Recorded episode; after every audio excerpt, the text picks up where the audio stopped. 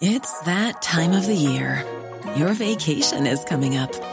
You can already hear the beach waves, feel the warm breeze, relax, and think about work. You really, really want it all to work out while you're away. Monday.com gives you and the team that peace of mind. When all work is on one platform and everyone's in sync, things just flow wherever you are.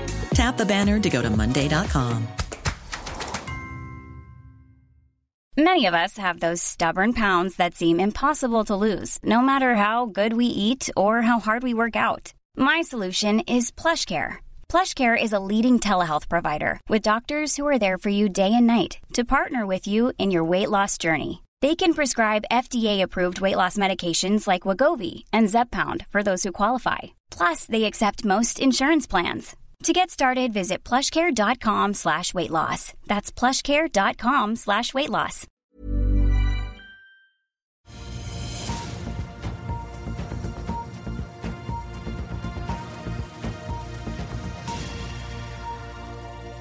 En riktig god onsdagsmorgen alle sammen, og velkommen til Børsmorgen her hos oss i Finansavisen i det kalenderen viser 9. august. Mitt navn er Marius Lorentzen, og med meg har jeg aksjekommentator Karl Johan Målnes fra Smestadammen her i Oslo. På en dag der Kinas KPI-tall viser at landet opplever deflasjon. Italia vil slenge ekstra skatt på bankene, og vi får kvartalsrapporter fra Fotokur og Shelf Drilling, ikke minst også en dag der altså Widerøe og Norwegian sikrer seg avtaler med Forsvaret. Vi får besøk av Nordeas Hans Erik Jacobsen, som denne uken endret på nettopp kursmålet i Norwegian om litt. Så det er masse å ta av, men først en titt på markedene. Wall Street snudde rett ned etter den lille oppturen vi hadde på mandag, og fortsatte dermed den negative sporet som vi også så da i forrige uke. Og de svake handelstallene fra Kina og Moody's nedgradering av flere amerikanske banker hjalp jo da ikke på stemningen i går. Dow Jones og SMP ned en snau halvprosent, Nasdaq ned 0,8. Og så får vi også ta med at det ble en helt fantastisk dag for danskene i går, etter at de kom med overraskende sterke resultater fra en stor studie på Novo Nordisks fedmemedisin Vagovi, som tydeligvis også har god effekt da på hjerte- og karsykdommer. Og dette skal nok eh, bli skikkelig god butikk, og er det allerede, får vi også si. Novo Nordisk endte opp 17,3% på København-børsen i går. Novo er jo grovt sagt det danskene har, eh, som vi har Equinor. Så OMX C20-indeksen i København endte opp 9,4 i går, og vi må tilbake da til 13. oktober 2008 for å finne en bedre dag for Københavnsbørsen. Konkurrenten i USA, Eli Lilly, også ute med kvartalstall for øvrig i går, da, men de har også da sin egen fedmemedisin. De steg 14,9 Svakt i Kina i dag, ellers stort sett blandet i de asiatiske markedene. Singapore holder stengt. Og i oljemarkedet så er nordsjøoljen svakt ned, men ligger fortsatt da, får vi si, på 86 dollar fatet. Den amerikanske lettoljen VTI noe opp til snaue 83. Og her hjemme så ser det ut til at vi kan få et eh, lite lyspunkt i dag. Etter to dager da med nedgang rundt 0,7 på hovedindeksen, så venter DNB og Nordnett at vi tikker oppover mellom 0,8 og 0,9 når vi nå er i gang om et par minutters eh, tid. God morgen, Karl Johan. Eh, like hyggelig blir det kanskje ikke eh, som det er da i holdt jeg på å si, insulinverden og kanskje på Oslo Børs fra start i dag. Ikke like hyggelig for bankene. Skal vi begynne med Italia kanskje, før vi snakker om USA? Ja, nå er jo eh, veldig mange amerikanere er jo på ferie i Italia. Mange er jo fra Italia, og de har sittet i pandemien. Og så bestemte seg for at nå skal familien til Italia. og så eh, Får du sterk dollar, så reiser du ned dit. Og så mens de alle er på ferie der, så kommer jo meldingen om at uh, Italia innfører 40 windfall tax på overskudd til bankene. Og Da kan du tenke deg hva de sitter og diskuterer rundt middagsbordet, disse amerikanerne. Grunnrente på norsk. Ja, på godt norsk ja. I told you, this, this, is a communist country. They're not like us, they look like us. Og dette her er jo Praten går på pizzeriaene på Long Island. Ja. Og, og, og, aksjene gikk ned, da. De gikk rett ned. Sånn uh, Intesa rett ned 8 og, og uh, Unicredit rett ned 5 Så gikk de bare sideveis. da, og klart utover dagen, akkurat som i Norge så kom forslaget med å begrense dette til 0,1% av egenkapitalen per år. og Det virker ikke som at noen av disse her forslagene som skal redusere dette, her da, eh, så ut til å bite på kursene. da, Men, men i alle sånne debatter da, så, så, eh, med skatter så, så, må man regne med at eh, det kan bli endringer da, før at det er på plass. Det, det å begynne med 40% og ende med noe lavere, det er jo noe vi er kjent med fra før. Ja. Men likevel, det, er, det, er, det rammer amerikanernes investeringer i Europa, og også på bank, hvor man da blir skeptisk. fordi hvis Italia innfører dette, her, så vil andre kunne innføre det også. Ja, nå har vi hatt det på å si, Da har jo italienerne gått løs på bankene, Norge gikk til løs på laksenæringen. Britene gikk løs på olje- og energiselskapene da prisene skjøt i været i fjor.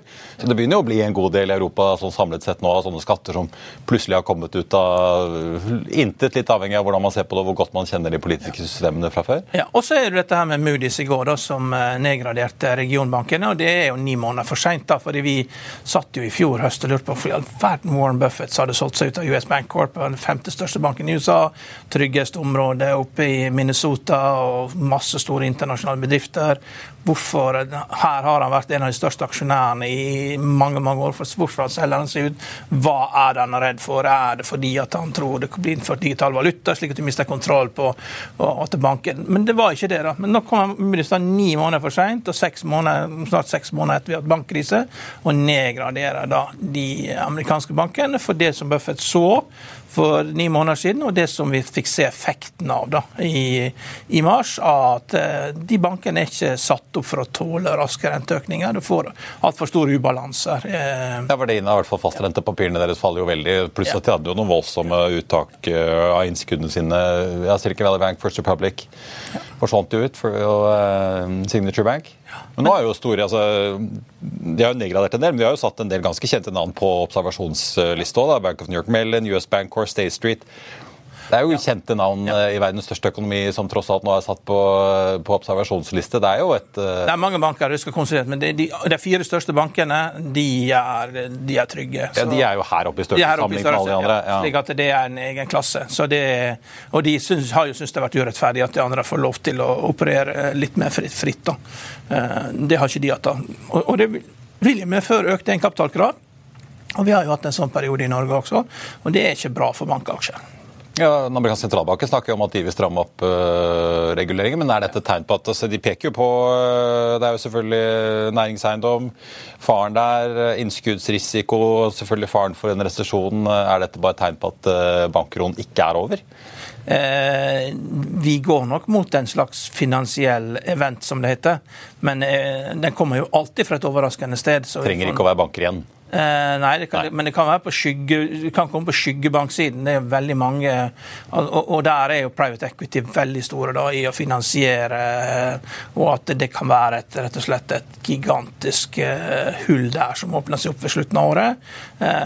Hvor man, og, og, da må de begynne å sette riktige markedsverdier på disse her, både på de lånene og på den egenkapitalen. Og det, det, har de vært ganske uvillige til. Og det, det har vært uskyldig så lenge private equity var lite. og når, det begynner å bli 20%, av folks, 20 40% av folks eh, pensjonsporteføljer, og du får en 5% renteoppgang, og de bare sier la-la-la-la-la, her er det ingen problemer, vi investerer på ti års sikt, så det går ikke. Så det, her, det kan være den store liksom, faren her. Da.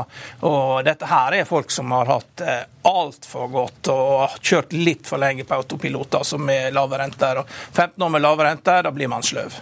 Jeg merket meg, Det var vel KKR som var ute og kjøpte en portefølje med næringseiendom i USA i går. Så noe opprydning virker det å skje på, på kammerset her, da. Men du har jo sånn data, det er, det er jo sånn REITs for datalager, eh, datasentereiendom. Den handles jo til 100 ganger PE, så det er jo priset inn. Og DLR tror jeg han heter den REITen. da. Nei, så det, det, det, mange, det, er veldig mange ting å følge med på der, men private equity har blitt uh, altfor stor for sitt eget gode. Og, altså, du, kan ikke, du, du, kan ikke la folk uh, liksom ta ut milliarder av kroner i inntekter uten at uh, de pengene har blitt tjent litt for lett. da. Nei. Vi tar med DNB starter opp eh, en drøy prosent fra start. Sparebanken Vest ned 0,2% fra start. De skal da ha kapitalmarkedsdag i dag. Kommer med kvartalsrapporten rundt klokken 11. Halv to er de i gang med selve prestasjonene. Vi får besøk av Jan Erik Kjerpseth her eh, i morgen tidlig. Sjefen sjøl, så får vi høre hvordan det går på Vestlandet, både i banken og hos kundene. Jan Erik er kjempeflink. Han skulle vært klona. Vi skal ha flere, flere, av han rundt omkring. Og så får vi drive litt egenreklame. Vi hadde nemlig besøk av DNBs Harald Seik eh, Hansen, eh, som jo er konserndirektør for bedriftsmarkedet i DNB, i en av sommerpodkastene våre som jeg kan legge ut på Twitter etter sending, der han bl.a. forteller da, hva som skjedde hos DNB i sommer eh, og utover våren, for å si aller mest, da disse bankene i både USA og også Credit Suisse kollapset og måtte reddes. Hvordan de da rett og slett noen perioder flommet over av utenlandsk valuta i DNB. Så jeg skal legge ut den på min Twitter-konto litt litt senere. Jeg må også ta med hovedveksten på Oslo Børs nå opp 0,9% fra start, som meldt. Okea melder at de og nå går videre med Brassefeltet som er en satellitt til Okeas Bragefelt. Og Okea og DNO begge opp ganske solid fra start. 2,8 på Okea, 1,5 på DNO. Og Børsnykommeren Stainless Tankers ute med sine tall, og også utbyttenyheter. De skal utbetale da 12,5 dollar cent per aksje, riktignok da i kroner. Og du må sitte med den aksjen per 24.8 for å få en del av den eh, kaken. Shell Trilling også ute med tall i dag. Justert EBTA på 73 millioner dollar andre kvartal, nesten en dobling da fra samme periode i fjor. Og så har vi Photocure, som også virker å slå forventningene. Hadde en omsetning på 117 millioner kroner og en EBTA på 23 millioner. DNB Markets ventet at de skulle ende med et resultat da rundt eh, null. Det blir mer om Norwegians milliarddeal med Forsvaret og drivstoffregningen, som kan bli litt sur rett etter dette. Vil du bli oppdatert på det viktigste som har skjedd innen finans og næringsliv? Da er det bare å følge med, for hver morgen er jeg, Marius Lorentzen og aksjekommentator Karl Johan Malnes på plass i studio for å ta tempen på dagens marked i Børsmorgen. Og hver ettermiddag oppsummerer vi alt du trenger å vite i økonominyhetene, og det blir selvfølgelig masse interessante gjester. Klikk deg inn på fa.no-tv, eller søk opp Børsmorgen og Økonominyhetene der du hører på podkast. It's that time of the year. Your vacation is coming up. You can already hear the beach waves, feel the warm breeze, relax, and think about work. You really, really want it all to work out while you're away. Monday.com gives you and the team that peace of mind. When all work is on one platform and everyone's in sync, things just flow wherever you are. Tap the banner to go to Monday.com.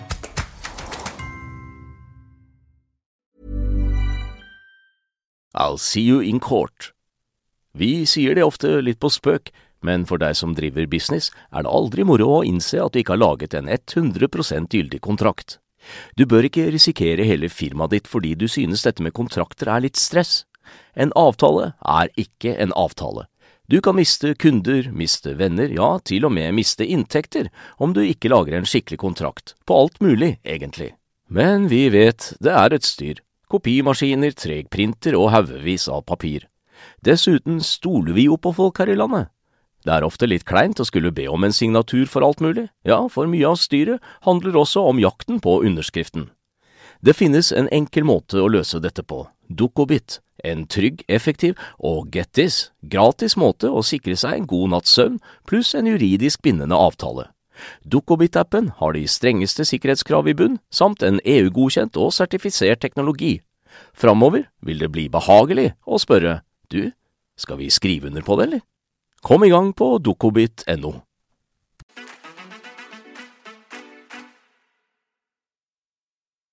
Norwegian-aksjen eh, falt 4 i går og endte ned under 10 kroner for første gang siden 26. april. Og så får vi jo ta med da, at den er oppe i dag da, på nyhetene om en ny deal med Forsvaret, men ligger nå på 9,96, opp 2,5% Men om kursfallet i går skyldes dagens gjest, vet jeg ikke. Han har i hvert fall tatt ned kursmålet for flyaksjen, som han mener får motbør av oljeprisen. Og så er det jo da ekstra god timing selvfølgelig at det kom en stor nyhet fra Norwegian om at de da har snappet denne milliardkontrakten fra, med Forsvaret fra SAS nå på morgenkvisten. Og god morgen og velkommen til oss, Hans Erik Jacobsen i Nordea. Takk skal du ha. Skal vi ta denne forsvarsstilen først? En milliard kroner. Jeg vet, hvor, mye, altså, hvor, mye, er det for Norwegian over fire år, egentlig? Er det mest symbolikk, eller er det Nei, det er ikke symbolikk. Det er jo en veldig hyggelig avtale, for det gir jo veldig stor grad av forutsigbarhet. Eh, så det er en viktig avtale for, eh, for Norwegian. Og det er selvfølgelig viktig for Widerøe også, som Norwegian prøver å, å kjøpe. Ja. Så det gir forutsigbarhet, og det er, det er en viktig kontrakt. Og det bygger jo rutenettverket i nord da. Eh, så, eh, også, ja, for Her blir det ruter til Bardufoss, Kirkenes, Lakselv ja da, det, Hvor det viktig er det? Norwegian har snakket ganske mye om hvordan de ønsker å bygge opp mer reiseliv. De ønsker som du sa, å kjøpe Widerøe. Ja. Om de får lov til det av konkurransemyndighetene, men likevel da bygger de en ganske så stor distriktsprofil eh, og reiselivsprofil i Norge, i tillegg til da selvfølgelig den store sydentrafikken, som det litt tabloid kalles? Absolutt. Det er veldig viktig å bygge opp eh, Nord-Norge for Norwegian. Og så er det jo SAS som da har tapt denne kontrakten, så de, eh, de, vil jo selvfølgelig ha en negativ utvikling.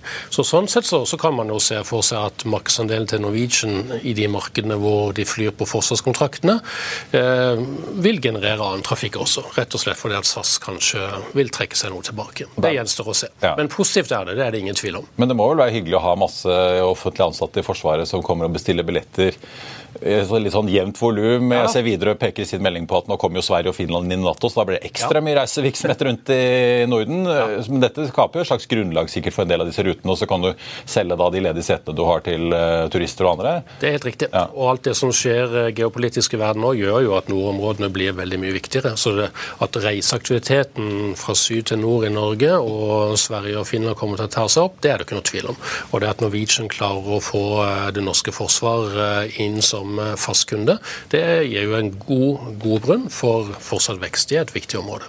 Men eh, vi må jo ta med da grunnen til at jeg spurte om du ville komme, nemlig at du, to, du tok ned kursmålet på Norwegian likevel fra, med to kroner til 14. Ja, det gjorde vi. Og grunnen til det var litt justering av estimatene våre. Eh, Det ser jo fortsatt veldig veldig bra ut både for annet halvår og for 2024 og videre.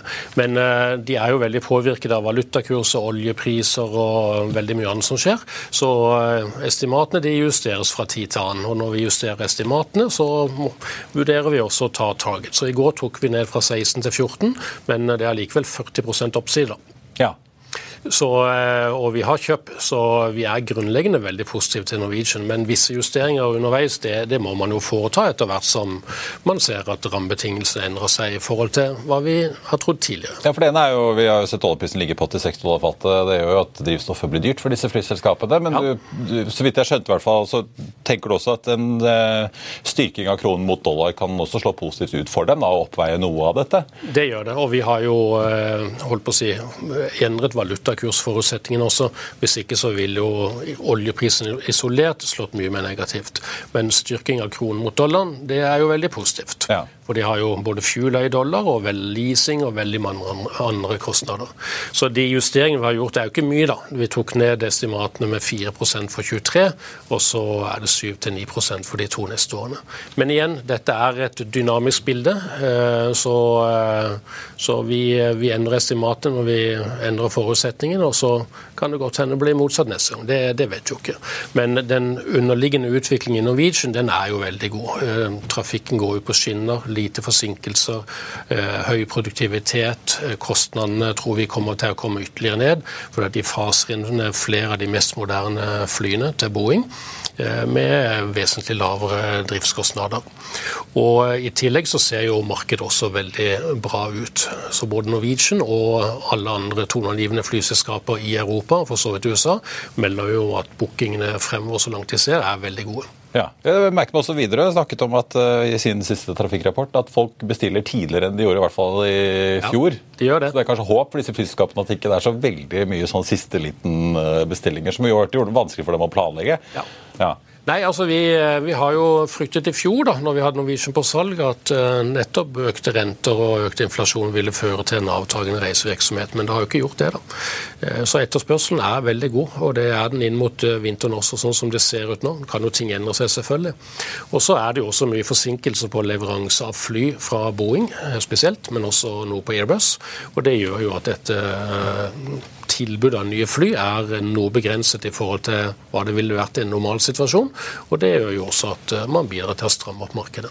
Jeg, Så, jeg, jeg tror det at På individnivå så er det jo bra aktivitet, men Widerøe har jo meldt at eh, det er svak etterspørsel i vår. Og, og, og De har jo bygd opp et rutenettverk da, langs Vestlandet og så Mm. over til Sandefjord. Og, og s- laget et konferansemarked. da, og Ja.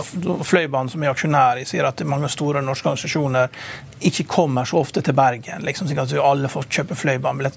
Så det er litt sånn eh, kortreist. altså Norske bedrifter eh, strammer inn fordi hotellprisen har dobla seg, og de er litt sånn Vi skal ta buss til konferansen. Og, Så det har Widerøe meldt. Så det, den biten er jo klar. Og det er sikkert en av grunnene til at de må fusjonere også med, med Norwegian, at de ser at det er problemer nede i veien for de da som Norwegian ikke har, for det er mye individuelt som styrer dette. Og de trenger kanskje penger også, altså for å finansiere flykjøp fremover? Eh, altså videre, eh, Det, det finnes jo ikke den type fly videre har lenger. Nei. Så de kommer til å på en måte vedlikeholde og, eh, og fikse disse flyene så godt de kan de neste ti årene. Så flyflåten er jo veldig gammel, men eh, det skal jo, eh, det skal jo etter hvert inn i et ganske så stort eh, Moderniseringsprogram. moderniseringsprogram. Så, så det skal man ikke glemme. Men det er nok kanskje sånn åtte-ti år frem i tid, og da håper man kanskje at man er kommet så på langt på elektriske fly at man kan bruke det. Så det gjenstår å se. Akkurat den biten er jo litt spennende. Men eh, den store fordelen for Norwegian med å kjøpe Widerøe er jo at man får en mye større andel av det norske markedet. eh, På bekostning av SAS. Og SAS har jo dratt veldig mye nytte av interlining med med videre. Eh, Og dette er jo nå da Norwegian som vil få.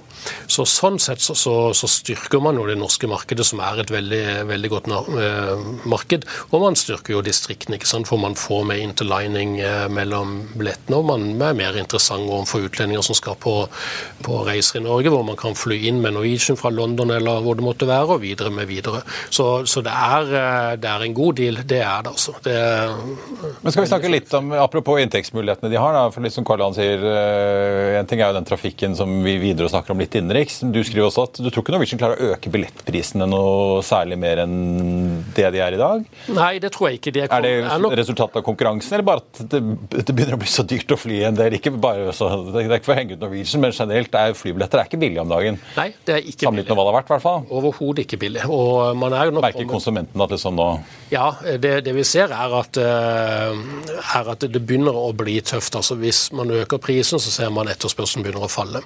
Og eh, Det er jo viktigere for dem å fylle opp flyene enn å sørge for at folk er på flyene, enn på en måte å sette billettprisen høyest mulig. Så, så dette er jo på en måte hele tiden ting man justerer. Men vi tror ikke det er på sånn generell basis er mulig å øke billettprisene mer. Men vi tror jo at Norwegian vil kunne klare å øke fyllingsgraden mer. Eh, Den er jo fortsatt ikke på, på maks. Ryanair-nivå, i hvert fall. Nei. Nei, den er langt unna. Vi kommer nok ikke dit heller. Men, eh, så, så vi tror på liksom, litt lavere unikost fremover og litt grann høyere fyllingsgrad, men ikke, ikke noe høyere billettpriser. Så en økt oljepris, som man normalt sett ville kunne kanskje ta igjen på å øke billettprisen, det tror jeg blir vanskelig nå. Eh, Nå er det fortsatt et par uker igjen til Norwegian faktisk kommer med kvartalsrapporten eh, helt i siste innspurten av kvartalssesongen. Men det har jo skjedd noen ting. da. Han og Petter Stordalen, altså Geir Karlsen og og Petter Stordalen har jo stått på scenen sammen og snakket om det nye bonussamarbeidet de skal gjøre. Og så var det da videre å kjøpe som også ble annonsert Ja. i sommer. Eh, Der Norwegian var, i hvert fall styrelederen var ganske åpen på at de kan jo ikke betale utbytte, men de har masse kontanter på bok. Og var veldig tydelig på at eh, de kjøpte ikke dette bare fordi de har masse penger, de mener det skal være lønnsomt. Men eh, hvordan vurderer du hele den utbyttesituasjonen de tross alt sitter i, da, hvor disse lånene, en del av de lånene de har av vilkårene, og at de ikke kan betale utbytte før de har gjort opp? Nei, altså Det er nok fornuftig å bruke eh, cashen de har til å betale for videre, og ikke bruke aksjer. Er, altså det, det er finansielt sterkt flyselskap, men det bør det være. Ting endrer seg raskt, og det ser vi jo bare på Ryanair, som jo har hatt en veldig veldig sterk finansiell balanse i alle år. Og Det gjør jo at de kan benytte seg av muligheter som oppstår når markedet er dårlig. Eh, Så Sånn sett så tror jeg det nok er fornuftig, men at de, de forblir eh, en veldig sterk balanse i finansiell balanse i Norwegian. Men er den, eh, for Vi snakket jo om det litt før sending, Karl Johan. Staten har jo gitt dette rentefrie lånet som fra og med våres kunne innveksles eh, til aksjer. Staten har ikke gjort det ennå. De har ikke det. Men er det, er det en grunn til at eller Det virker nesten som aksjekursen er litt sånn at den har en slags sånn motstand rundt 10-11-12. Det virker ikke som den går noe særlig over. Er det da den løsningskursen til staten som gjør at markedet ikke tar den over noe særlig over de nivåene vi har sett den? Nei, jeg tror ikke det. Men, men det er klart at uh, i og med at uh, det vil lønne seg for staten å konvertere, hvis de vil ha tilbake aksjen sin, da, ikke være langsiktig aksjonær Norwegian, det vet vi jo ikke, uh, så, så kan man jo da selvfølgelig forvente at disse aksjene vil komme ut og, og skape et litt overheng og, og kanskje holde kursen litt tilbake pga. det. da. Men sånn som eh, De store flyselskapene de har jo større datasystemer og gjør det mye lettere for de å kjøre sånn interline, altså du kan booke og lettere overganger. Men Norwegian er jo et lavprisselskap. Når du skal da begynne å linke opp med Widerøe, hvor mye ekstra må de investere i data for å gjøre det sømløst eh, når de kjøper videre, tror du? For det må, jo, det må jo endringer til, og det er veldig viktig at eh, dette går greit. Du kan ikke bli stående på en flyplass flyplass og få, og miste connection din, og at ting liksom ikke fungerer helt skikkelig. da. Ja. Nei, altså Jeg tror ikke investeringene blir store. for Widerøe kommer til å bli operert akkurat som de gjør i dag. Det kommer til å ha en egen ledelse, en egen drift, og liksom helt separat fra Norwegian. Men det de kommer til å gjøre, er å tilpasse rutenettverket. Eh, hvorvidt man får interlining, eh, slik at man kjøper en tur f.eks. Fra, fra Oslo eh, via Tromsø f.eks. til, til Kirkenes eller noe sånt. Hammerfest. Apropos gårsdagens store nyhet. ja. Nettopp. Det, det vet vi jo ikke, men det vil de sannsynligvis gjøre. For det vil jo gjøre det mer attraktivt. slik at hvis du da fly blir forsinket på den ene leggen, så er det Norwegians ansvar for, for, å ta deg videre. Men noen store investeringer i dataanlegg, det, det, tror jeg ikke det kommer til å bli. Men det kommer til å bli en, på en måte justering av de to systemene som, som, jobber litt mer sammen på når flyene går, slik at man skal slippe å vente. Eh, hvis man kommer et Norwegian-fly skal videre med Widerøe, så slipper man å liksom vente i fem timer, men at det blir lagt opp sånn at man kan enten en halvtime eller en time Slippe å plukke opp bagasjen sin, liksom. Nettopp. Det skal bli hyggelig. Men apropos det, før vi hopper videre til noen andre aksjer du dekker. Eh, den, det var mye ståhei med Petter Stordalen og Geir Karlsen på podiet her i sommer. Det var ikke måte på hva de skulle få til sammen. men apropos det, der, hvor mye investeringer, hvor mye må til før eh, dette samarbeidet med Nordic Choice og Strawberry eh, kan bli liksom noe som genererer reelt sett inntekter og inntjening for Norwegian? At det gir noe synergier dette på tvers av hoteller og altså flyselskapet? Ja. Jeg tror ikke investeringene blir så store der heller, men Nei. det er mer liksom å få sydd opp programmet da, med at man når man overnatter på hotellene, da, så får man tjene opp cash points hos Norwegian, og det samme når man flyr, selvfølgelig.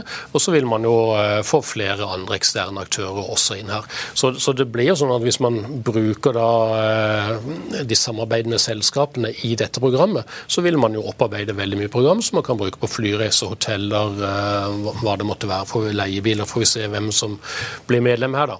Så det blir jo en større konkurrent til SAS og Eurobonus. Og en av grunnene til at SAS har gjort det såpass bra opp igjennom, da, er jo nettopp dette lojalitetsprogrammet, som jo har gjort at folk folk som reiser mye arbeid med, med, billetten betalt av arbeidsgiver, kan fly gratis på fritiden. Så nå blir jo dette en mye større konkurrent. Så, så sammen med Widerøe og dette uh, nye programmet, så, så, så, befester man jo sin nord norske og nordiske posisjon på en helt annen måte. Og det man prøver å gjøre, er jo selvfølgelig å ta over den rollen SAS har hatt. Vi får, hva, vi får, se hva, kjærlighetsbarnet skal hete. Fordelen er vel at både Reward og Strawberry kjører eh, rødfarge, i hvert fall, så de har i hvert fall noe det det. i eh, logo- og designarbeidet som er ferdig allerede. Ja. Skal vi snakke litt industri på eh, tampen kort, Hans Erik? Vi snakket om disse handelstallene fra Kina som kom i går. Ganske stor oppbremsing. Og i dag kommer det plutselig Riktignok er kjerneinflasjonen fortsatt svakt positiv i Kina, men altså hovedKPI-tallet endte da eh, ned eh, for første gang på to år. Ned 0,3 prosent i juli mot juli i eh, fjor. Mm. Er det en bidragsyter til at ja, Hydro og Elkem som du dekker, er såpass mye ned som de er i år? Ja, det er det. Altså, de uh, Råvareprisene de går jo med konjunkturen, og konjunkturene er jo veldig svake. Nå er det nok riktignok tatt ut en del kapasitet i markedet også, spesielt innenfor aluminium, men også innenfor de markedene hvor Elkem opererer. Men uh, det er helt klart at den svake utviklingen vi har hatt i Kina, og for så vidt Europa, den er jo hovedbidragsyteren til at prisene på de underliggende metallene råvarene er lave. Ja. Så man må se at Kina vokter litt før du tror det kan bli noe særlig fres i aluminium? Ja, Kina, Kina, er jo veldig viktig. for Innenfor aluminium f.eks. så utgjør de jo 60% av etterspørselen i hele verden. ikke sant? Så Kina er jo, er jo viktig. Og du kan si Én ting er at Kina isolert sett har en lavere etterspørsel, men det vil jo kunne føre til at de opprettholder produksjonen og øker eksporten, og derved presser prisen ned ellers i verden. Da har vi ikke sett det foreløpig, men det er jo noe man kan frykte.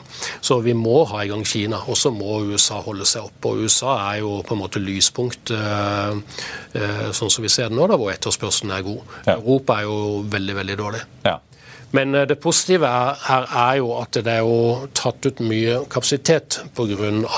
at ikke det lønner seg. Og Hydro har jo fortsatt en veldig god lønnsomhet, eh, bl.a. fordi at de har egne kraftressurser, og de har jo en svak norsk krone, som gjør at overskuddene fortsatt er veldig gode. Så når etterspørselen kommer, så vil jo prisene måtte gå opp til et nivå hvor eh, det trigger at den kapasiteten som er tatt ut, kommer tilbake igjen. Og da vil man kunne se en, en svært hyggelig prisutvikling både på Elkems og Hydros produkter. Ja, for det er kanskje kursnivåer nå som er litt interessante spesielt hvis Kina plutselig finner på å komme med en annen stimulansepakke ja, som eh... det, det, er jo veldig viktig. og Det er jo spesielt bygg- og anleggssektoren der borte som går dårlig. Uh, og Hvis man klarer å få, få den i gang igjen, så, så, er det klart at det er eh, et sterkt signal om at eh, man kan se for seg bedre råvarepriser fremover. Men foreløpig så, så butter det litt, dessverre. Ja. Vi sendte jo til deg i går eh, oversikten over de kinesiske eiendomsutviklingsaksjene på Hongkong-børsen. var jo ned med 10 alle sammen. var ja. limit down på alt. Så det, det, er ikke normale tider. da. Og, og, og som vi kanskje har nevnt før, altså, Goldman Sachs, commodity-analytiker, har vært der i snart 30 og fikk sparken. Nå, nå, må man begynne å se på dette landet med nye øyne. Det går ikke an bare å gå rundt og være optimistisk og, og kjøre samme gamle plata om at dette blir bra til slutt. Nå må man tenke på en ny måte. Ja. Nei, altså det, det ser jo også utenlandske investeringer i Kina går kraftig ned. ikke sant? Så, så uh... Og alle driver og ser på India, så det er kanskje det vi egentlig, ja. om det kommer noen stimulansepakker i India vi egentlig burde snakke om, kanskje?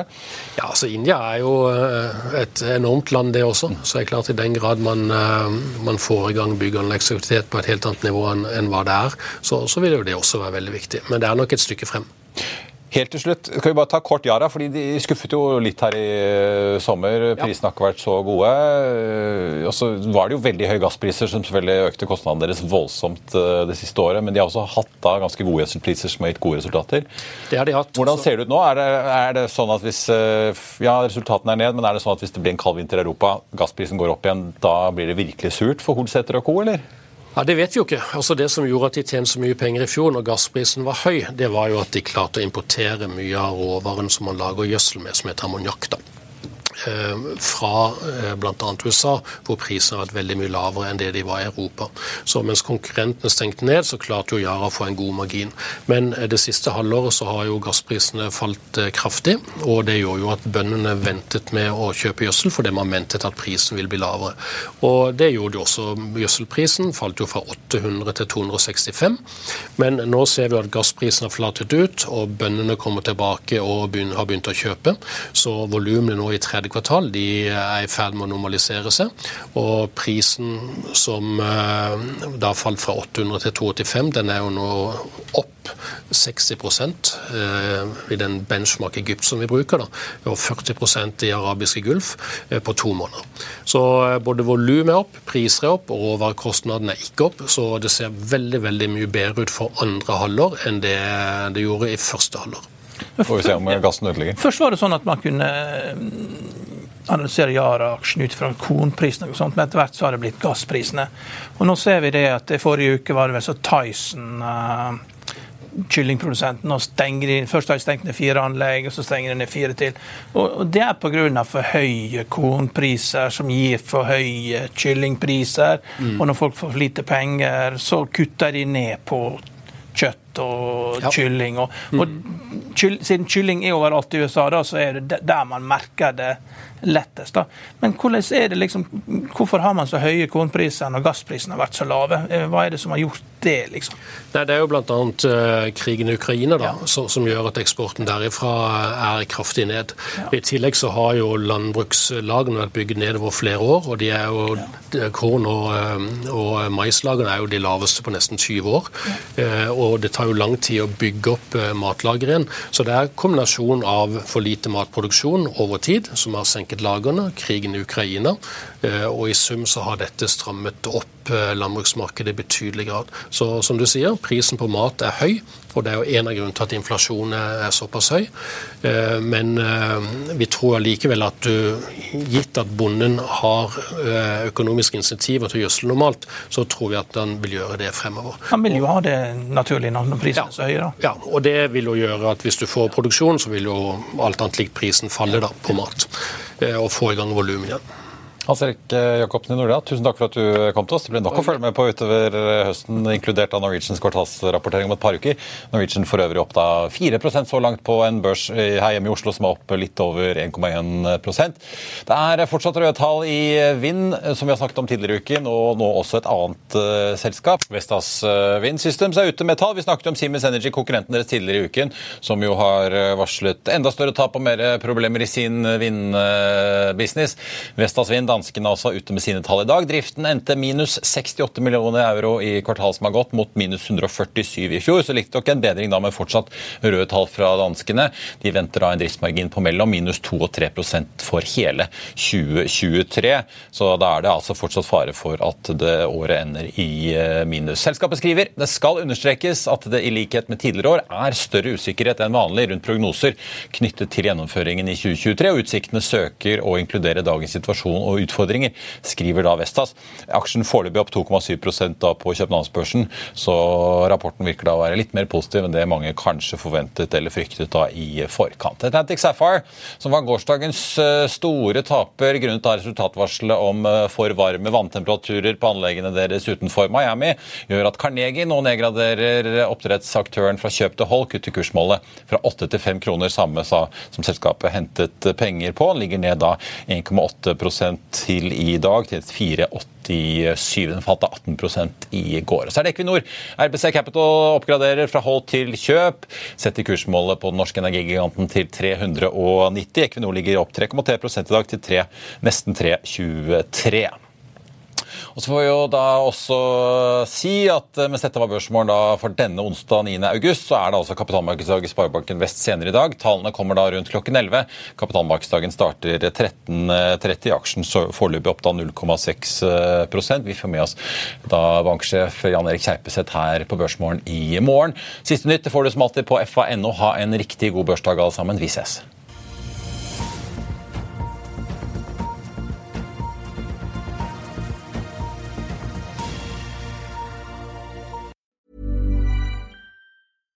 Even when we're on a budget, we still deserve nice things. Quince is a place to scoop up stunning high-end goods for 50 to 80% less than similar brands. They have buttery soft cashmere sweaters starting at $50, luxurious Italian leather bags, and so much more. Plus, Quince only works with factories that use safe, ethical, and responsible manufacturing. Get the high-end goods you'll love without the high price tag with Quince.